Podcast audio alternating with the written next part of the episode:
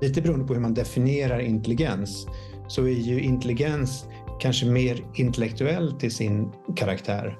I viss mån kanske till och med abstrakt om man nu fokuserar på hur vi mäter intelligens som till exempel i IQ. Ehm, men visdom handlar om någonting mer. Det handlar om hur man applicerar bland annat intelligens och i synnerhet att man applicerar det då för det gemensammas bästa.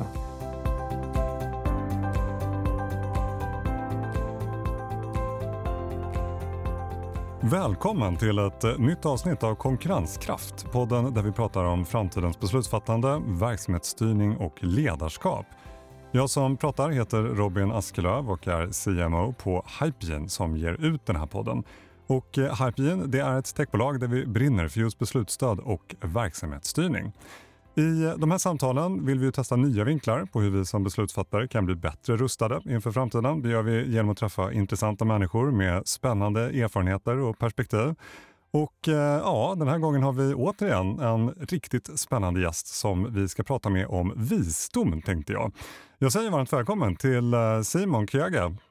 Kul att ha dig här. Tack så hemskt mycket. Hur mår du? Har du det bra där du är? Ja, jag mår alldeles utmärkt. Ja. All, alldeles utmärkt. Vi pratade ju precis här innan. Du, du flänger mellan olika platser. Var, var befinner du dig just nu?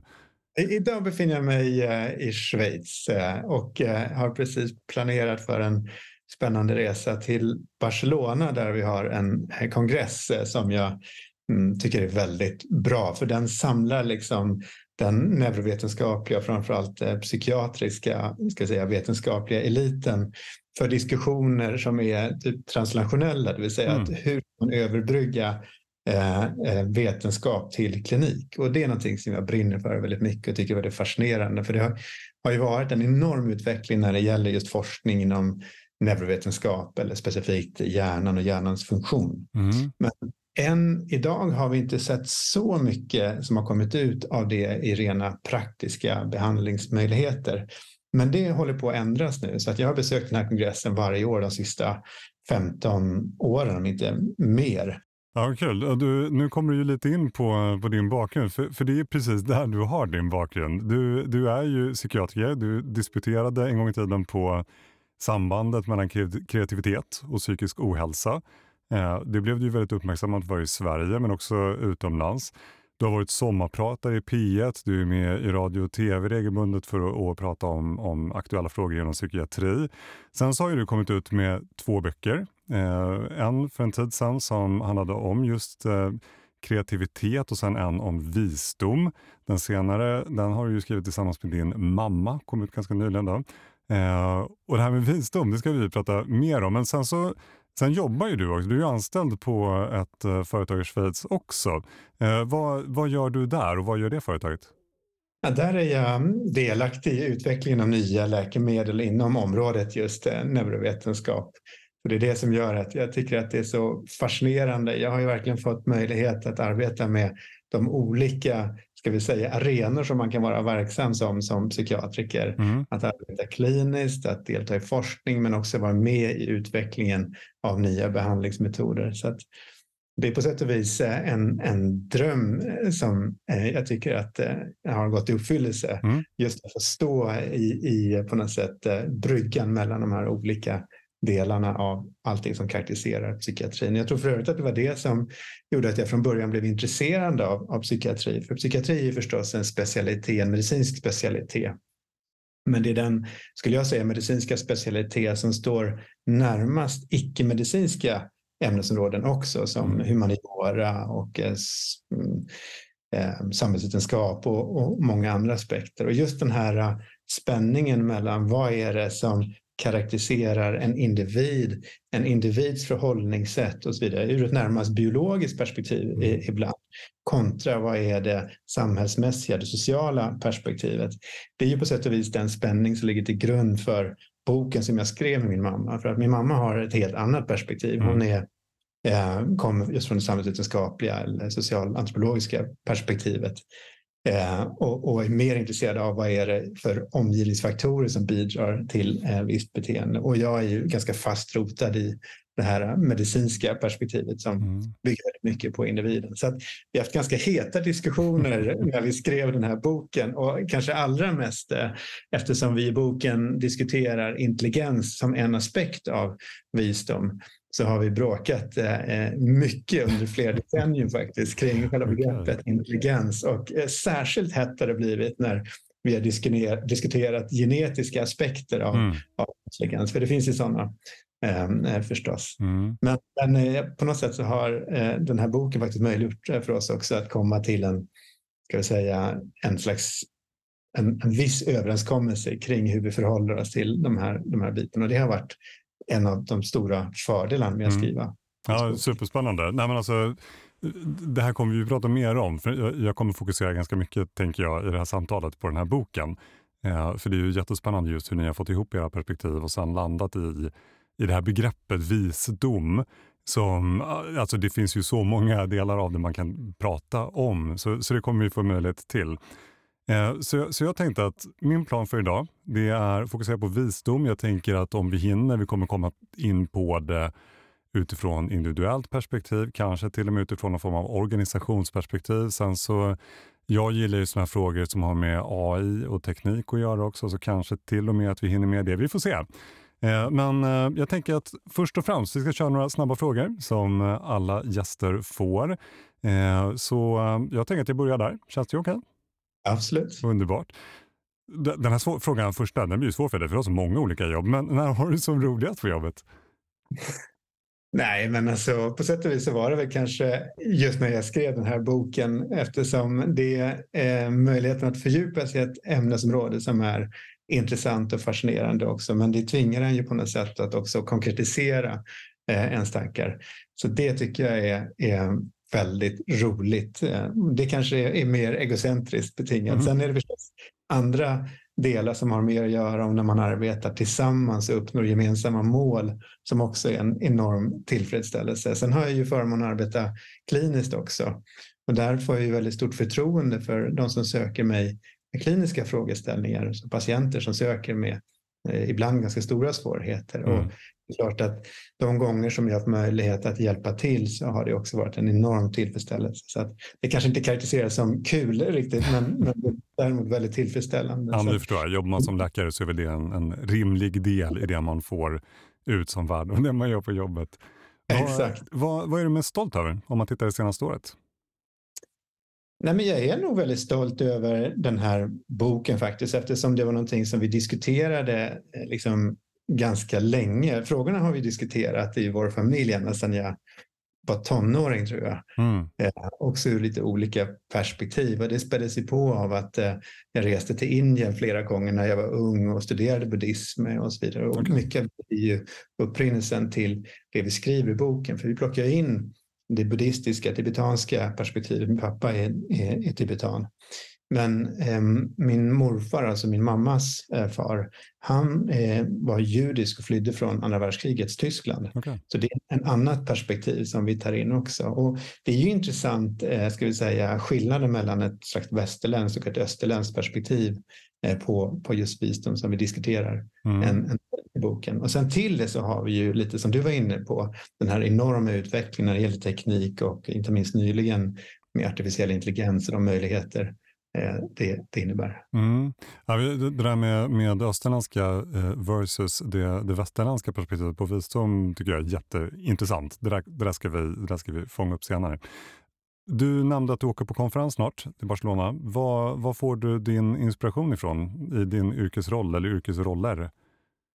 Oj, det är väl det som vi diskuterade tidigare, även alla de här bitarna. Jag bara tycker att det är så otroligt fascinerande inte minst när det gäller forskningen på hjärnan och de insikter som det har gett oss de sista åren eller decennierna faktiskt. Men också nu att vi börjar se möjligheten till att göra någonting av det. Det har ju länge varit ganska ska säga, liksom prekliniskt orienterat. Man kunde använda det för att upprätt, eh, utveckla nya behandlingsmetoder och så vidare. Men nu börjar vi komma till en punkt där den här enorma explosionen av ny kunskap eh, om hjärnan faktiskt kan översättas till nya behandlingsmetoder. Och att kunna vara del av en sån utveckling känns ju otroligt, otroligt spännande. Du Simon, vi kastar oss in i eh, området visdom. Som sagt, du har skrivit en bok tillsammans med din mamma på just det temat. Och själva begreppet tycker jag är så, så intressant. Om man, om man bara ska börja med att sätta det i relation till intelligens, du nämnde ju det själv, det är ju en del av det. Om man sätter visdom i relation till intelligens eller att vara klok för den delen. Vad är det som skiljer ut just visdom enligt, eh, enligt dig och er? Ja, men det är en jättebra fråga. Jag tror att de flesta är överens om att för att vara vis så måste man ha ett mått av intelligens. Det är liksom svårt att vara korkad eh, och, och, vis. Mm. Och just eh, det svenska ordet klok är ju lite intressant för det har ju mer dragning åt ska vi säga, det visa hållet mm. eftersom man på något sätt någon bild av någon äldre erfaren person som har samlat på sig mycket klokskaper under årens lopp. så att säga. Mm. Och det är just det som är poängen att um, lite beroende på hur man definierar intelligens så är ju intelligens kanske mer intellektuell till sin karaktär. I viss mån kanske till och med abstrakt om man nu fokuserar på hur vi mäter intelligens som till exempel i IQ. Um, men visdom handlar om någonting mer. Det handlar om hur man applicerar bland annat intelligens och i synnerhet att man applicerar det då för det gemensammas bästa det är väldigt svårt att komma på ondskefulla visa personer. Mm. Jag vet inte om det finns någon ens en gång. Och därför Nej, så... Det verkar orimligt. ja, det, det, funkar liksom Nej. inte. Så att, så att, just den där äh, aspekten av att visdom har en riktning också, att det bygger faktiskt på hur man agerar. Det är någonting som fundamentalt skiljer sig från intelligens eftersom intelligens inte egentligen förutsätter att man agerar nödvändigtvis. Mm. Ja, men det, det, det, det är en intressant eh, distinktion. Du nämnde ju Tibet, din pappa är därifrån. Jag vet att du har varit mycket i Tibet också. Hur ser man på visdom där? Eh, alltså visdom eh, betraktas ju på ett, på ett liknande sätt. Nu är ju i Tibet också väldigt religiöst färgat av just tibetansk buddhism, mm. så att det har ju sådana aspekter också som är är inkluderade. Men med det sagt så är ju buddhismen en faktiskt ganska pragmatisk religion eh, som bygger väldigt mycket på idén om att om man gör gott så får man liksom gott tillbaka. Det är själva fundamentet för vad man kallar den karmiska existensen. Så på så sätt så är det också eh, väldigt praktiskt betingat. Sen finns det ju andra aspekter som jag personligen intresserat mig för mycket och mm, du nämnde att jag skrivit två böcker. Så i den tidigare boken då så um, jag skrev med min eh, kollega Jonas så, så uh, pratar vi om sambandet mellan kreativitet och psykisk ohälsa eller genialitet och galenskap. Ja, det. Finns det också sån, den typen av tradition i Tibet med liksom orakel och den typen av närmast lite smågalna, om man säger så, personer som också kommit med väldigt många insikter. Så till exempel så eh, har man ju i, generellt sett historiskt i Tibet använt sig av statsorakel eh, som man tillfrågar inför stora beslut, som vi också gjorde i, i västerlandet eh, förr i tiden. Men jag har till och med i min, i min släkt eh, orakel som eh, nu visserligen har flytt från Tibet, då, då, men, men som fortfarande är liksom, tibetanska orakel. Som alltså då av sin omgivning får på något sätt eh, liksom, titeln orakel? Alltså man benämner ja, personen exakt. som det? Det är ju oftast att man, liksom en, en, om man säger, en, en demon eller så, som, som en specifik demon som besätter den här personen då som mm. förkroppsligas eh, under den här eh, tillfället som man eh, förutsäger framtiden eller ska fatta okay. beslut. Ja, vad spännande. I boken beskriver ju det här eh, med, med stadsoraklet, men det finns väldigt många olika eh, orakel också av olika dignitet så att säga. Mm. Nej, men jag, jag, tar ju upp Tibet eh, också därför att där, därifrån kommer ju Dalai Lama. Jag vet att du har träffat honom när du har varit där, vilket är intressant i sig. Men jag tycker det är spännande för att Dalai Lama är en person som ju nog många skulle eh, som, säga att det är en vis person. Och eh, Det finns ju många andra sådana personer också. Bara fånga några. Så Nelson Mandela, Mahatma Gandhi historiskt. Konfucius eh, skulle kunna vara sådana som Moder Teresa också. Jag tycker när man tittar på en sån lista, något som slår mig, eh, rätt eller fel, men det är i alla fall min tolkning när man tittar på den typen av listor, det är att det är väldigt få som kommer från Europa. de, de har liksom en tendens att komma från andra delar av världen, gärna åt eh, österländska hållet. Så. Vad, va, vad tänker du kring det? Nej, men det är nog en, en riktig iakttagelse. Och jag menar, de namn du nämner är ju personer på, på något sätt väldigt visa personer. Mm. Det finns förstås personer i vår omgivning som vi upplever som visa och som vi vänder oss till för att ställa frågor i, i livet. Oftast har man ju någon i familjen eller i vänskapskretsen som, som man vänder sig till och som kanske många vänder sig till för, för frågor. Men om man tittar på den nivån så, säga, så verkar det ju som att det finns viss överrepresentation i Österlandet just nu. Och det kanske är så att vi historiskt i västerlandet har fokuserat oss väldigt mycket på liksom den intellektuella biten. Eh, man kan ju spekulera kring om det har att göra med att vi är ganska individualistiska i västerlandet kontra Österland som har en mer kollektivistiskt mm. perspektiv. Mm.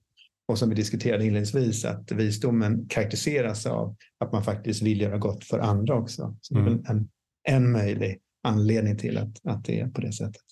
Men för, för det här med, jag, jag kommer snart släppa lite, lite de här definitionerna, men jag tycker bara så intressant med, med begreppet visdom. Det är ju ett begrepp, vi, vi klistrar inte på det på varandra helt lättvändigt. Eh, jag menar bara det du sa där med, med till exempel att du hade eh, människor i din släkt som, som kallades för orakel. Det är ju ingenting man skulle göra här. Eh, på samma sätt som att man, man kanske inte kallar sin, sin vän eller släkting för vis här hemma heller helt lättvindigt. Och den, den där tycker jag också är lite intressant. Är det en av, av, eh, ett av skälen till, till att ni skrev boken? Är det för att någonstans skaka liv i det här begreppet visdom och göra det till någonting mer som kan användas också i vår vardag som ska, ska vara eftersträvansvärt här? Absolut. Jag menar, eh, skälet till att eh, vi är intresserade av visdom är för att vi tycker att det finns ett särskilt stort behov av visdom i vår tid. Mm. För mig, eh, ur mitt eget perspektiv, så började det faktiskt med att jag träffade Dilip Jester som är en indisk, ursprungligen indisk men numera amerikansk psykiatriker som grundlade egentligen hela fältet kring äldrepsykiatri. Eh, och han har intresserat sig mycket för just visdomsforskning. Så att när jag träffade honom första gången för 15 år sedan då, då fick jag liksom insikten om att det här är ett otroligt spännande område. Och ju mer man läser om det och det faktum att fler och fler sysslar med det inser man att det är på något sätt det som saknas eh, i vår tid. Vi har mer och mer eh, information, vi har mer och mer möjligheter eh, till ska vi säga, teknisk utveckling och så vidare. Men på något sätt lyckas vi inte riktigt lösa de här stora frågorna som vi verkligen vill lösa och, och, behöver lösa. Och därför så tror vi att visdom är extra viktigt just nu. Mm. Ja, jättespännande. Titeln på boken för övrigt, ehm, eh, den är ju Visdom för människor i en föränderlig tid. Apropå det du sa där med att visdom kanske behövs mer nu än, än någonsin tidigare därför att vi, vi brottas med utmaningar av kanske lite större karaktär, tänker jag. Men, men om man bara hoppar in i lite, i lite mer i den här boken. Eh, ni definierar ju visdom enligt tre huvudkomponenter, intelligens, kreativitet och mänsklighet. Kan du bara berätta, hur kom ni fram till, eh, till just de här? Absolut, det finns ju förstås eh, som de flesta ska säga, vetenskapliga områden massor med olika definitioner och väldigt stort intresse för att diskutera definitioner. Mm. Utan att gå in i detalj då, så försökte vi anamma en del av den vetenskapliga litteraturen Eh, och ehm, vi har definierat då visdom som ehm, på tre olika aspekter. Dels intelligens, dels kreativitet och sen då mänsklighet. Och mänsklighet i lite bredare perspektiv som handlar om dels eh, empati men också viljan att göra gott. Och det här vilar väldigt mycket på forskning som en eh, psykolog som heter Robert Sternberg har gjort. Mm. Så att det är inte helt och hållet eh, på något sätt hans definition, men det är väldigt är liksom informerat av, av den forskning och det arbete som, som han har sysslat med under lång tid. Eh, men som sagt, det finns ju andra definitioner också som är liksom bredare, mer specifika och så vidare. Men eh, ju mer vi diskuterade så, så eh, lite som vi pratade om inledningsvis, att, att intelligens är på något sätt eh, en oundgänglig del av visdom mm. eftersom det behövs ändå att ha den förmågan eh, att kunna lösa problem så att säga. Men eh, mer och mer så eh, tänker jag att vi behöver eh, också kreativitet. Eh, mycket därför att det, det är väldigt mycket i vår tid som förändras. Och eh, intelligens generellt sett fungerar ju väldigt bra beroende på igen hur man definierar intelligens. Då, då men, men det fungerar väldigt bra för att lösa problem baserat på tidigare kunskap. Kreativitet handlar väldigt mycket om att bryta ramar, att tänka nytt och annorlunda. Mm.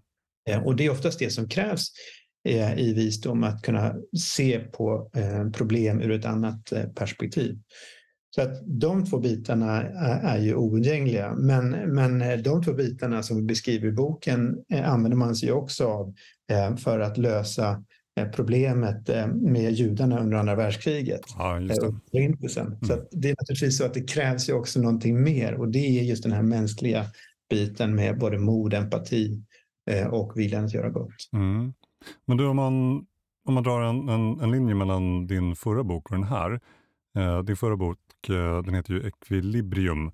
Eh, handlar om kopplingen, just som du sa tidigare, mellan kreativitet och galenskap om man ska eh, förenkla en smula. Eftersom kreativitet även finns med i den boken, finns det därmed också en koppling mellan galenskap eller psykisk, psykisk ohälsa som du också nämner i den boken och visdom? Absolut, i allra högsta grad. Vi nämner det, det väldigt kort i, i, i den här boken också.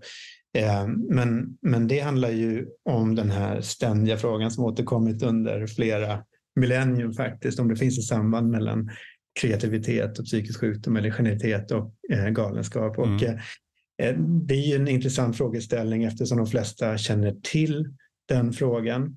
Men eh, empirin, alltså forskningen som ligger till grund, har varit väldigt bristfällig. Och det var ju en möjlighet vi fick eh, för ett par år sedan då, att titta på det i svenska register.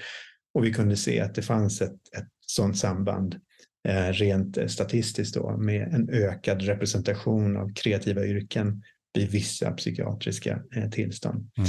Så, så i allra högsta grad så, så skulle jag säga att det finns med som en komponent eh, i, i visdom. Och Eh, ju mer man tänker på eh, visa personer så tror jag också man inser att många gånger är de här personerna kanske inte helt strömlinjeformade. Eh, ibland är det lite annorlunda beteenden, mm. den typen av excentriska beteenden som, som kännetecknar just visa personer. Mm. Och fascinerande är ju att apropå ekvilibrium som vi poängterar i den boken, att det handlar också om oss själva att vi själva i väldigt stor utsträckning lägger band på oss själva. Mm. Eh, det finns eh, forskning som visar eh, att bara om vi får om vi blir uppmanade att vara lite mer originella så ökar vi vår förmåga med runt 20 procent till att generera nya idéer. Okay omedvetet så, så gör vi det, lägger vi band på oss själva. Vi behöver liksom uppmanas till att vara annorlunda. Så det är väl en av aspekterna med just den boken, Equilibrium, att vi vill uppmana människor att faktiskt vara lite annorlunda. Att det, så i någon mening, ju mer gränslös man är, eller ja, någonstans kommer det väl någon avtagande effekt också, men, exakt, men en exakt. högre grad av gränslöshet skulle då egentligen trigga kreativiteten. Det är så, ja, eh, i allra högsta grad. Så jag menar, ekvilibrium eh, beskriver ju, om man nu tänker ett U som är upp och nervänt, så det man rör sig, blir man lite mer öppen och eh, nyfiken, tolerant, eh, då rör man sig uppåt på det här upp och nervända ut. Men blir det lite för mycket, jag menar, då börjar det, ja, just det. igen. Just det. det är det det här eh, ekvilibrium försöker beskriva och att vi har möjlighet att påverka var vi befinner oss Eh, på den här skalan. Och det gäller för övrigt de tre bitarna så som vi har definierat visdom också med intelligens, kreativitet och mänsklighet. Ett av skälen till att vi betonade de här tre delarna är också för att det finns sätt att, att eh, öka vår förmåga inom respektive område. Och vi beskriver det delvis i, i boken också, ganska, ganska enkla metoder som vi kan ta oss till för att öka de här bitarna och per definition då bli mer visa. Mm, kan, kan du ge några exempel på, på hur man gör det? Eh, ja, men om man tar intelligens så finns det ju, beroende återigen på hur man definierar eh, intelligens, men vi har ju beskrivit eh, eh aspekter eh, av intelligens kopplat till två framför allt. En är IQ eh, som brukar beskrivas som abstrakt tankeförmåga, mm. om man nu säger som ett exempel att lösa komplicerade matematik problem. Den andra delen av intelligens som vi beskriver är exekutiva förmågor. Mm. Och det handlar väldigt mycket om att planera och att fullfölja. Eh, och eh, båda de här delarna kan man i viss mån träna. IQ kan man diskutera hur man kan träna det, men det vi har sett är att på populationsnivå så har vår IQ ökat drastiskt. Mm. Och Flynn som har beskrivit det här fenomenet, han betonar ju att det här är introduktionen av utbildning på populationsnivå generellt sett som har bidragit till den här ökningen. Eh, när det gäller exekutiva förmågor då vet man till exempel att fysisk aktivitet eh, ökar vår förmåga till att planera och fullfölja. Om man mm, upprätthåller det mm. kontinuerligt så ökar eh, den förmågan. Det finns till och med en studie som jag tycker är väldigt sympatisk som visar att bara man tittar på andra som tränar så ökar man den exekutiva förmågan. Ja, det, är säkert många som skulle gilla. Ja, vad, vad intressant. Men det finns ju en tredje del där också med, man brukar prata om emotionell intelligens. För jag vet, jag, jag såg en intervju, eller lyssnade på en intervju med dig och din mamma, då ni kom in på just känslor också som en viktig del i det här. Blir EQ därmed också ett viktigt mått för den så att säga, intelligensdelen i visdomen? Alltså, eh, det är en bra fråga. Eh, vi betonar ju liksom den känslomässiga aspekten som väldigt central och det kanske är delvis för att kompensera för den här betoningen på, ska vi säga, det mer abstrakta, rationella. Mm. Att väldigt viktig del. Och när vi diskuterar mänsklighet så diskuterar vi också till exempel mindfulness meditation som kan bidra till att vi kan öka vår, eh, vår mänsklighet. Eh, och att väldigt mycket av buddhistisk tradition handlar om hur vi kan träna vårt känsloliv för att känna mer eh, ska vi säga, tolerans, ehm, ödmjukhet och, många av de här eh, aspekterna. Med det sagt så finns det en del av eh, exekutiva förmågor som jag beskrev då. Dels har vi abstrakt tankeförmåga, IQ, och sen har vi då exekutiva eh, förmågor eller funktioner. Eh, och ofta koncentrerar man sig då på det som kallas för kalla exekutiva funktioner, det vill säga eh, till exempel koncentration, uppmärksamhet och så vidare. Mm. Men en annan del som kallas för varma exekutiva funktioner, det är i väldigt stor utsträckning vår förmåga till emotionell reglering. Att, att eh, liksom styra, eller i viss mån i alla fall, förhålla oss eh, till vårt känsloliv på ett mer ska jag säga, produktivt sätt. Mm. Och det kan man också öva. Även om, om det är svårt så finns det alla möjligheter att öva det. En enkel sätt är förstås att man sover mer regelbundet. Ja, det handlar om att skapa sig förutsättningar att reglera emotionerna. Ibland är det ganska enkla lösningar, ja. men jag menar mycket talar för att väldigt många sover för lite. Så att, mm. Det finns ganska mycket att hämta även om en ganska enkel sak. Nu pratar vi väldigt mycket, vilket inte är konstigt, om det individuella perspektivet när man pratar om visdom.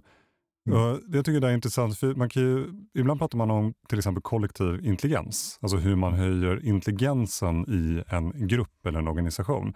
Kan man prata om kollektiv visdom och är, är det någonting man kan så att säga, medvetet jobba med i en verksamhet, i en organisation? Jo, men det skulle jag säga i allra högsta grad. Jag menar, nu är jag biased eftersom både min ska säga, professionellt eh, och kanske mitt intresse vilar väldigt mycket i det individuella mm. Eh, perspektivet. Men, men eftersom en central aspekt av det som vi betonar i boken ur ett individuellt perspektiv eh, är förmågan att lyssna på andra eh, så är det naturligtvis så att om man har en organisation som möjliggör för fler personer att komma med sina synpunkter och att man är mer inlyssnande så borgar ju det för eh, större möjlighet till ska säga, visa organisationer. Jag menar, på sätt och vis är ju demokrati ett exempel på det. Att vi låter så många som möjligt komma till tals mm. för att fatta gemensamma eh, beslut.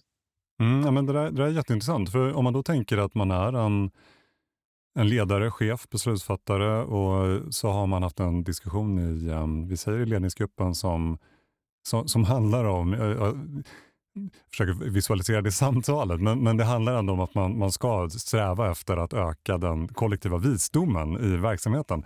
Var, var skulle man börja då någonstans? Ja, men det är, alltså, eh, jag har intresserat mig för kreativitet en del och det är som vi diskuterade en, en del av, eh, av visdom som vi beskriver det.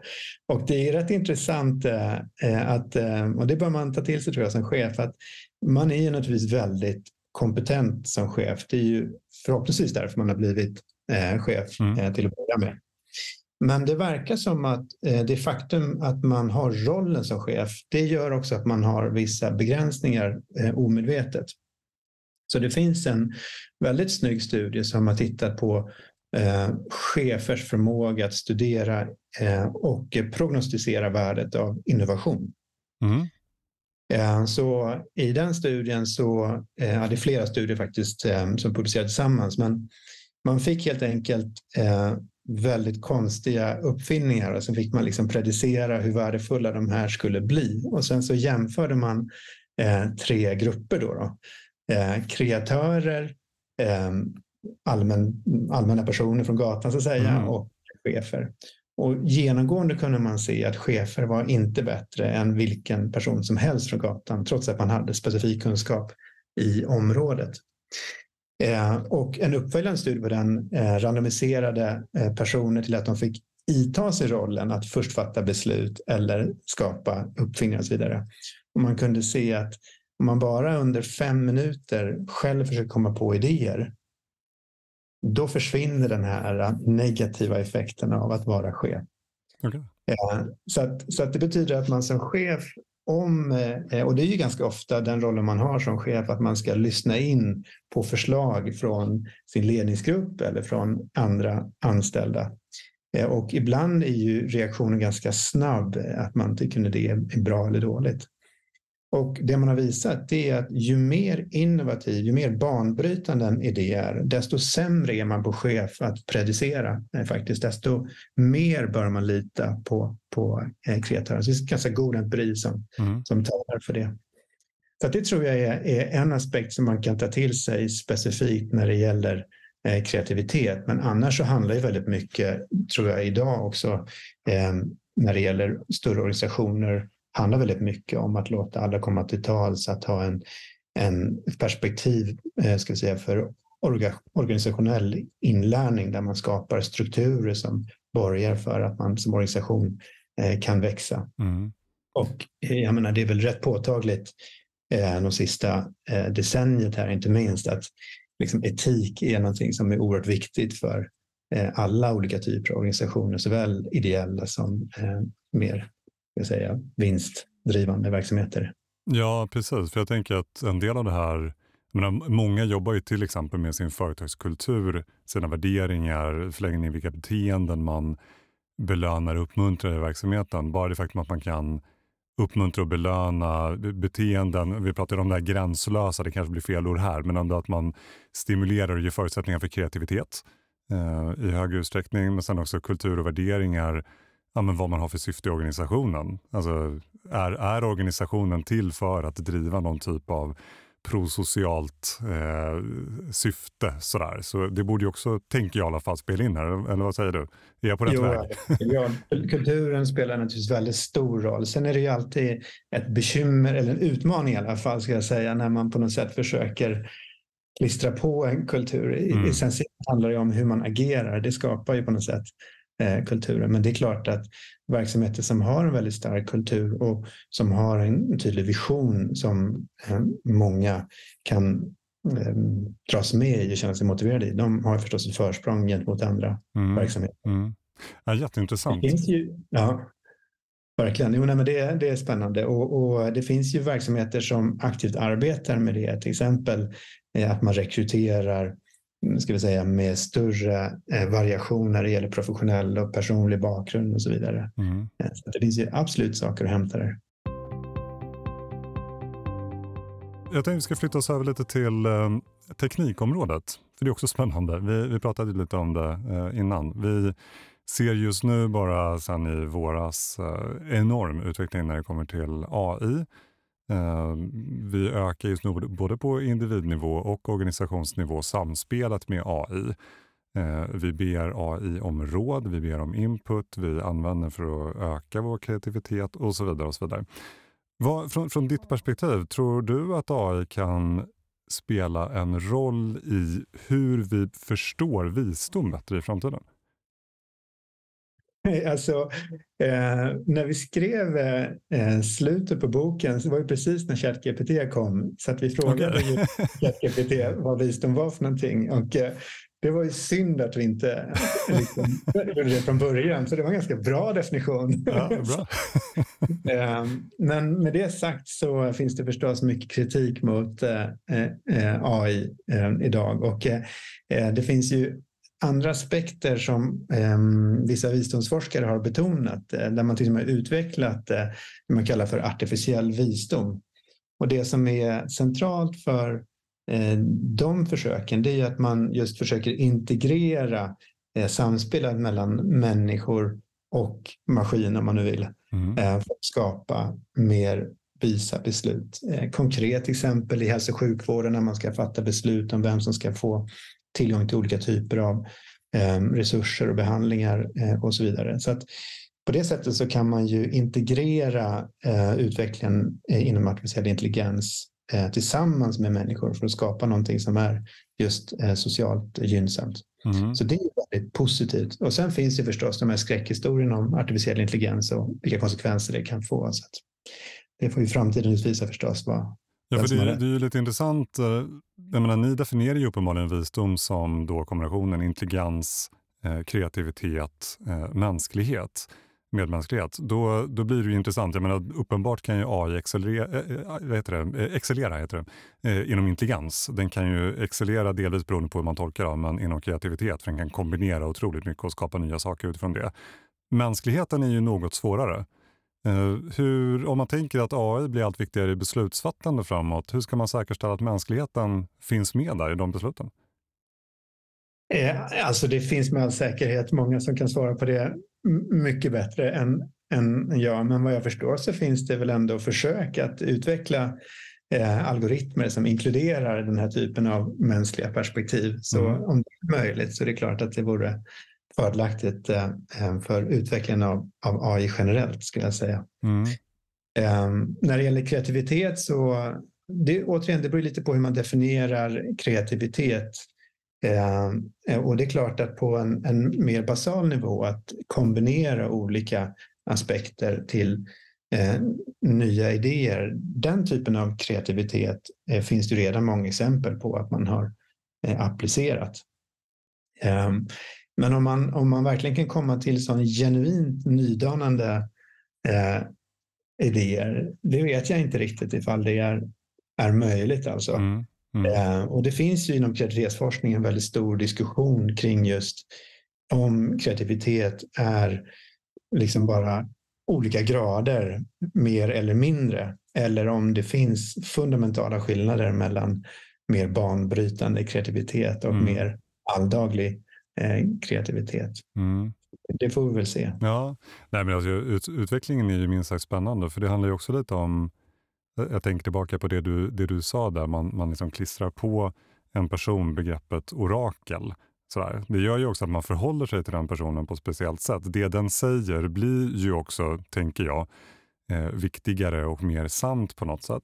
Om man då tänker sig att AI har över tiden en förmåga att liksom, emulera visdom, eh, att den upplevs som vis, så kommer också människor teoretiskt att kunna eller vara var mer benägna att förhålla sig till AI som att den mm. är vis. Den där tycker jag är lite intressant. Får, får, du några tankar om det? Ja, men alltså utifrån kreativitetsforskning så eh, finns det en aspekt som har att göra kanske med det. Och, eh, man brukar ofta prata om de tre p eh, inom kreativitetsforskning. Så personlighet, process och produkt. Så vad är det för egenskaper som är förknippade med kreativitet, processen, till exempel att man får den här plötsliga insikten och så vidare. Och produkten, att man kan mäta antalet innovationer och så vidare. Mm. Men man pratar också ofta om det fjärde P som är persuasion. Och det är ju väldigt mycket så att väldigt mycket av kreativitet handlar om att man faktiskt får med sig andra personer, att man kan mm, andra personer och så vidare. Och eh, när vi pratar om visdom ur det perspektivet så är det också rätt påtagligt att många av de personer som vi uppfattar som visa eh, har någon form av politisk aspekt i sig. även om det inte nödvändigtvis är politiker så är det ändå ofta personer som driver politiska mm. förändringar. Mm. Så det är klart att i, jag menar, ju mer AI då har förmågan att även bidra till den typen av förändring så är det väl rimligt att anta att vi får mer och mer vis AI. Mm. Ja, jättespännande. Eh, framtiden får utvisa vartåt vi är på väg, helt klart. Verkligen. Simon, det har varit otroligt spännande att få, få prata med dig om det här. Din bok är, den är, eller din och din mammas bok ska jag säga, är otroligt intressant. Innan jag släpper dig så har vi några frågor, några avslutande frågor som vi ställer till, till alla gäster som handlar lite om att koppla tillbaka till rubriken på podden med framtidens beslutsfattande, verksamhetsstyrning och ledarskap. Så jag tänker utifrån ditt perspektiv, vad skulle du säga är en framgångsfaktor för framtidens beslutsfattande? Ja, det är en bra fråga. Alltså, eftersom jag precis har skrivit uh, två böcker, uh, om en om kreativitet och en om visdom, så skulle jag vilja säga att det är just kreativitet och visdom som ja, är det, det, det viktigaste. Det känns rimligt.